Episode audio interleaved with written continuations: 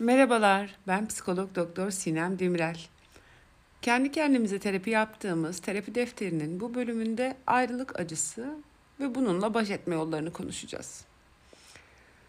Tüm aşkını ver, yani tüm aşkını. Neden vermeyesin ki?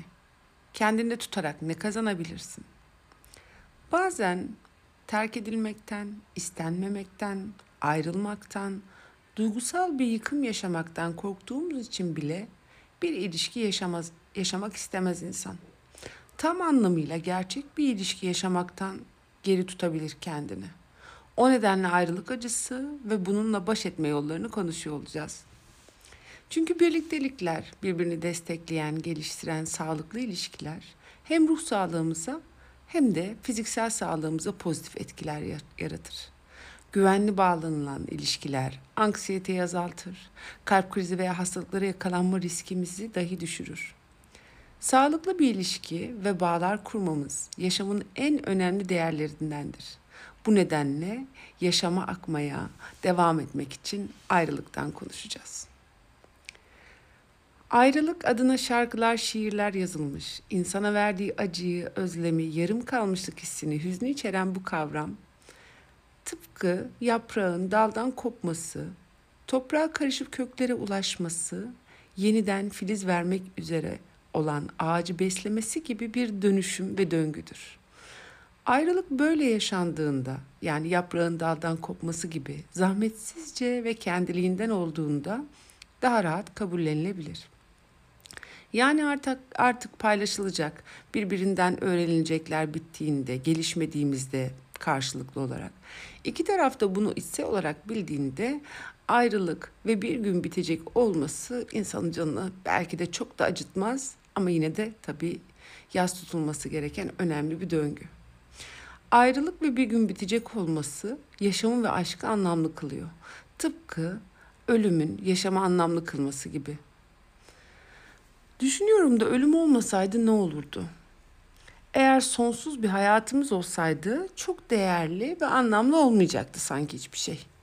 Hatta hayattan ölümü çıkardığımızda tüm pozitif kavramlarında tek tek yok olduğunu görüyorum.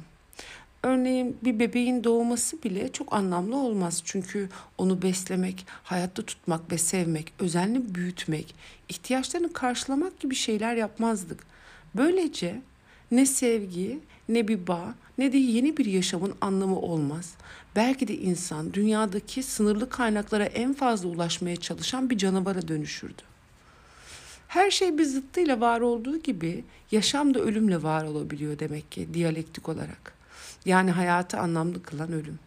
Bir gün biteceğini, kaybetmekten korktuğumuz için belki de incelikli davranır. Hayatı anlamlandırmaya çalışır, bağlar kurar, sonraki kuşağa hizmet eder ve kıymet biliriz. Kaybetmekten çekinmediğimiz hiçbir ilişki bizim için çok da anlamlı olmaz. Emek ve sevgi de vermeyiz.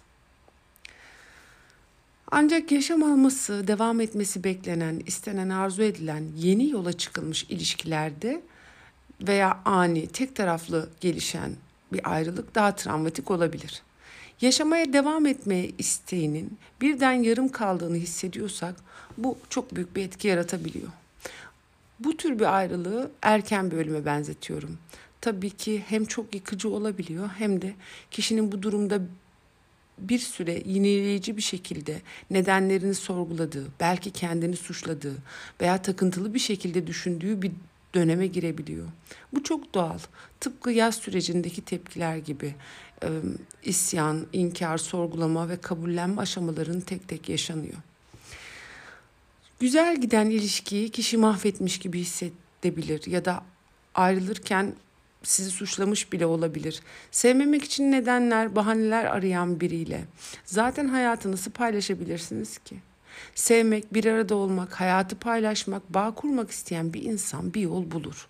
Diyalog kurar, çaba harcar, emek verir. Sevmemek için bahaneler bulmaz yani. Bu nedenle kendini suçlamayı bırakmalısın.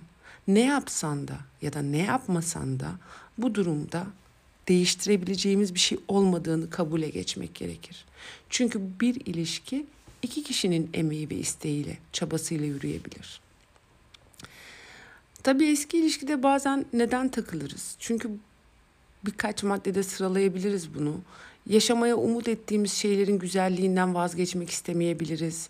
Ya da ilişki boyunca yaşanan güzel anlar, sevgiyi, ilgiyi, coşkuyu, o güzel duyguları yeniden yaşamayı umut edebiliriz. Ya da varlığına, sesine, aklına birlikte olmaya özlem duymak. Çünkü özlemek çok ruhsal bir fenomen bana göre.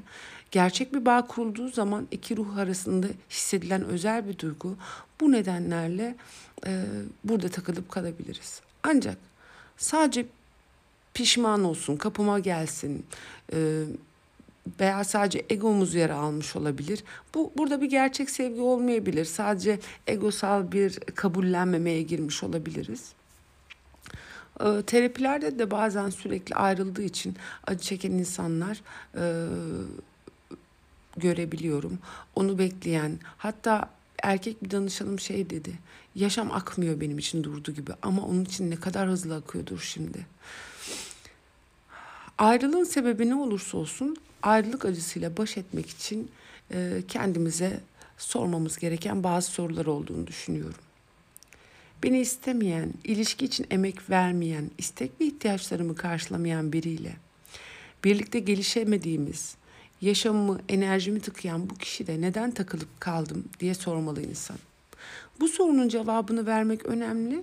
Çünkü bazen sadece yaşama akmaktan kaçmak için bile bu kısır döngüyü, ayrılık acısını kalkan yapıp kendimizi sabote edebiliyoruz. Bir ayrılık sonrası 40 gün bir yaz tutma süreci olmalı. İlişkimiz ne kadar sürerse sürsün. Ruhsal bir yatırım var çünkü burada. Bunların bitmesinden sonra kendimize 6 hafta bir zaman tanımalıyız.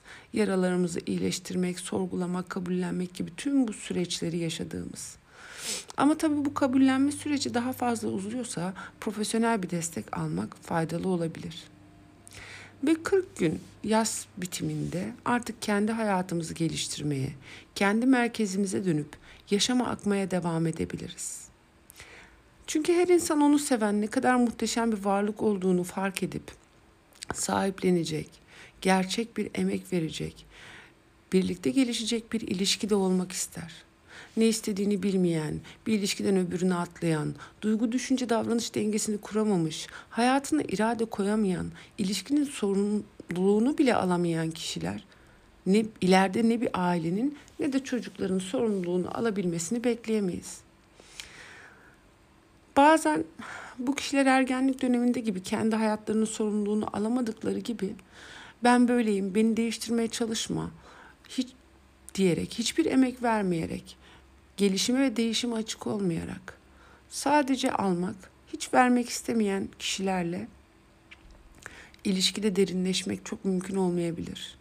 Aşk aslında ruhsal bir gelişim sürecidir. Ee, ruhun evrimi ancak aşkla mümkün olabiliyor.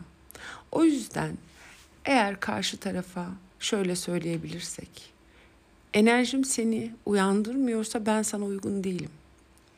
Eğer ruhum sana ilham vermiyorsa aramızdaki bağ yeterince güçlü değildir. Eğer aklım seni derin düşündürmüyorsa benimle sohbetin bir anlamı yok. Eğer tutkun seni harekete geçirmiyorsa o zaman yönünü değiştirmek daha iyi olur. Eğer varlığım gelişmene yardım etmiyorsa yokluğum kesinlikle yardım eder. Eğer aşkım kalbini açmazsa merak etme başka bir aşk açacaktır. Git ve varlığını titreten kişiyi bul.'' arkana bakmak için bile durma. Aşkın en büyük eylemlerinden biri bazen bırakmaktır. Ruh kendine iyi gelecek olanı hisleriyle büyür, bulur.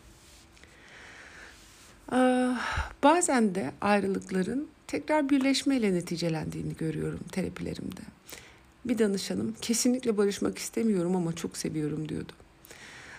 Bazen ilişkide olduğumuz dönemde yaşadıklarımız ruhumuzda, hayatımızı o kadar negatif etkiler ki yaşadığımız güzel şeylere rağmen bu negatif etkinin süreceğinden, yeniden olacağından korkup ilişkiye geri dönmek istemeyebilir. Aslında ayrılık da bazen ilişkilerde önemli bir öğrenme süreci olabiliyor. Bunu sık gördüm. Ayrılık sürecinde kişi eğer kendini yapılandırmaya girebildiyse, hatalarını fark edip dönüşebildiyse eğer mümkün oluyor. Ayrıldıktan sonra tekrar bir araya gelen çiftler var. Tekrar bir araya gelme ilişkinin ya bir üst aşamasını yaşa, yaşama, yaşanmasını gerekli kılıyor ya da ayrılma nedenleri konuşulup e, yapılan hatalar net bir şekilde dile gelebildiğinde veya beraber tekrar yol alabilmek için neleri yapıp neleri yapmamaları gerektiği net bir şekilde konuşulabilirse ilişkiye yeniden başlanabiliyor. Vazgeçme nedenine bağlı olarak da e, bir bedel ödenmesi gerekiyor tabii. Bu nasıl bir bedel? E, her ilişkinin dinamiği farklı tabii. Bitmesine neden olan şeyler de farklı. Bunların nasıl onarılacağı konuşularak beraber belirlenebiliyor. Bazen de ciddi bir yeniden bir araya gelme niyeti olmadan eski sevgilimiz e, yazabilir. Bu durum da hani böyle şey gibi yazmak nasılsın? Yani gerçeklerin bir diyalog kurmadan sadece yüzeysel bir diyalog kurulduğunda burada bambaşka bir olay devreye giriyor. Çünkü bazen kişi belirsizlikten veya e, enerjisizlikten kaynaklı olarak e, başkalarının enerjileriyle beslenebiliyor. Kadınlar genellikle varoluşları ve doğaları gereği duygusal ve zihinsel olarak güçlü bir enerji üretiyorlar. Erkek de bazen bilinçsiz bir şekilde bunun bilincinde oluyor. Herhangi bir ilişki düşünmese bile bu enerjiye bazen ihtiyaç duyuyor. Enerjisiz kaldığında, herhangi bir ilişki düşünmese bile daha öncesinde ilişkide olduğu bir kadına kendini bir şekilde yeniden hatırlatarak onun zihninden veya duygularından yayılan enerjiyle beslenebiliyor. Çünkü o mesaj geldiğinde kadın düşünmeye başlar. Niye aradı, niye mesaj attı, niye kendini hatırlattı anlam veremiyor. Çünkü gerçek bir ilişki niyeti de yok ortada. Amaç zihin ve duygusu olarak kaynak olan o enerjiyi almak olabiliyor. Bazen anda kalamayan, duygusal boşluk hissi yaşayan, kendi enerjisini üretemeyen kadınlar da aynı şeyi bir erkeğe yapabiliyor olabilir. Kadın veya erkek belirsiz bir durum içindeyseniz tüm enerjisi, isteği, eylemleriyle yanınızda olmayan, ilişkiye kendini adamamış biriyseniz bu büyük ihtimalle bir enerji emici durumdur. İnsanların sevgisi ve emeği çok kıymetlidir. Olmayacak bir ilişki veya kişi, kişiyi enerjinizle beslemeye devam ederseniz zamanla dengenizi, yaşam enerjinizi kaybeder e, ve enerjisiz kalabilirsiniz. İnsan kendini bildiğinde, yaşam enerjisini kendinden ürettiğinde mutluluğunu bir kişiye ya da bir ilişkiye bağlamadığında güçlenebiliyor bu durumda. Son olarak bir türlü oluşmayan ilişkilerde bazen aynı noktada takılıp kalırız. Burada şöyle bir durum var. Daha ilişkinin çok başında ciddi bir bağ kurulamaması da önemli bir gösterge olabiliyor. Çünkü bir ilişki iki maddenin bir araya gelmesi gibi kimyasal bir tepkimeye neden olur. Bazen bu tepkime gerçek bir ilişki oluşturmayacak kadar zayıf olabilir. Bu hani bizi güzel, çekici veya etkileyici buluyor olabilir veya yakışıklı ve etkileyici. Ancak bu gerçek bir ilişkiye dönüşecek kadar yoğun bir enerji oluşturmadıysa bu durumu da olduğu gibi kabul edip önümüze bakmakta fayda var. Belki de olmayacak bir ilişkide takılıp kalmamızda fark etmeden yaşamda var olmaktan kaçıyor olabiliriz. O nedenle bu kişi aklımıza geldiğimizde kendimi şimdi ve burada olduğumuzu hatırlatarak seninleyim, seni görüyorum ve ihtiyaç duyduğum sevgi burada seninle var diyebiliriz. Çünkü yaptığımız en büyük hatalardan biri bir ilişkinin başında ya da flörtten öte daha yakın bir ilişki oluşmadan enerji boyutunda ve duygusu olarak fazla bağlanmak olabilir. O yüzden kendimize bazı sorular sorarak netleşebiliriz. O sana gerçekten nasıl bir yatırım yapıyor? Seninle olmak için ne kadar zamanını ayırıyor? Gerçekten tanımaya çalışıyor mu? Bir ilişkinin oluşabilmesi için çaba sarf ediyor mu? Senin üzerine ne kadar yoğunlaşıyor? Ne sıklıkla iletişim başlatıyor? İlişkiyi daha ileriye götürmek için adımlar atıyor mu? Ve sen bunları ona geri yansıtıp geri verebiliyor musun? Eğer bunlar olmadan faz bağlanmak, en önemlisi kendini ona bağlanmış hissetmek enerji enerjiyi alır ve kendi hayatını geliştirmek için kullandığın enerjiden çalabilir. Ve bu ilişki beni mutlu ediyor mu? İstek, arzu, ihtiyaçlarımı karşılıyor mu? Hayatım onunla daha keyifli ve üretken oluyor mu? Yaşam enerjimi yükseltiyor mu? Aşağı mı çekiyor? Bana kendimi güzel, güvende, seviliyor, seviliyor, destekleniyor, hissettiriyor mu diye sorular sorabiliriz. Aynı şekilde onu his, iyi hissettirip yüceltiyor muyum? En önemlisi birlikte gelişebiliyor muyuz diye sorular sorabiliriz. Eğer böyle bir durum yoksa e, şunu anlamamız gerekiyor ki herkes kendi mutluluk yolunda gitmeye hakkı var. Herkesin var. O sana herhangi bir şey borçlu değil, sen de ona değilsin. Eğer o kişi seni önceliği yapmadıysa sen de onu öncelikler arasına koymamalısın. Bu sadece onun durduğu yeri ve ilişkinin gittiği yönü görebilmen için önemli bir yöntem. İlişkide iki kişi de aradığı şeyleri bulabilmelidir. Ve son olarak bir sözle bitirmek istiyorum. Buda'dan. Sonunda üç şey önemlidir. Ne kadar sevdiğin, ne kadar nazik yaşadığın ve sana göre olmayan şeylerden nasıl bir zerafetle vazgeç, vazgeçebildiğin. Terapi defterini dinlediniz. Umarım ruhunuza, zihninize hitap etmiştir. Bir sonraki bölümde görüşmek üzere. Hoşçakalın.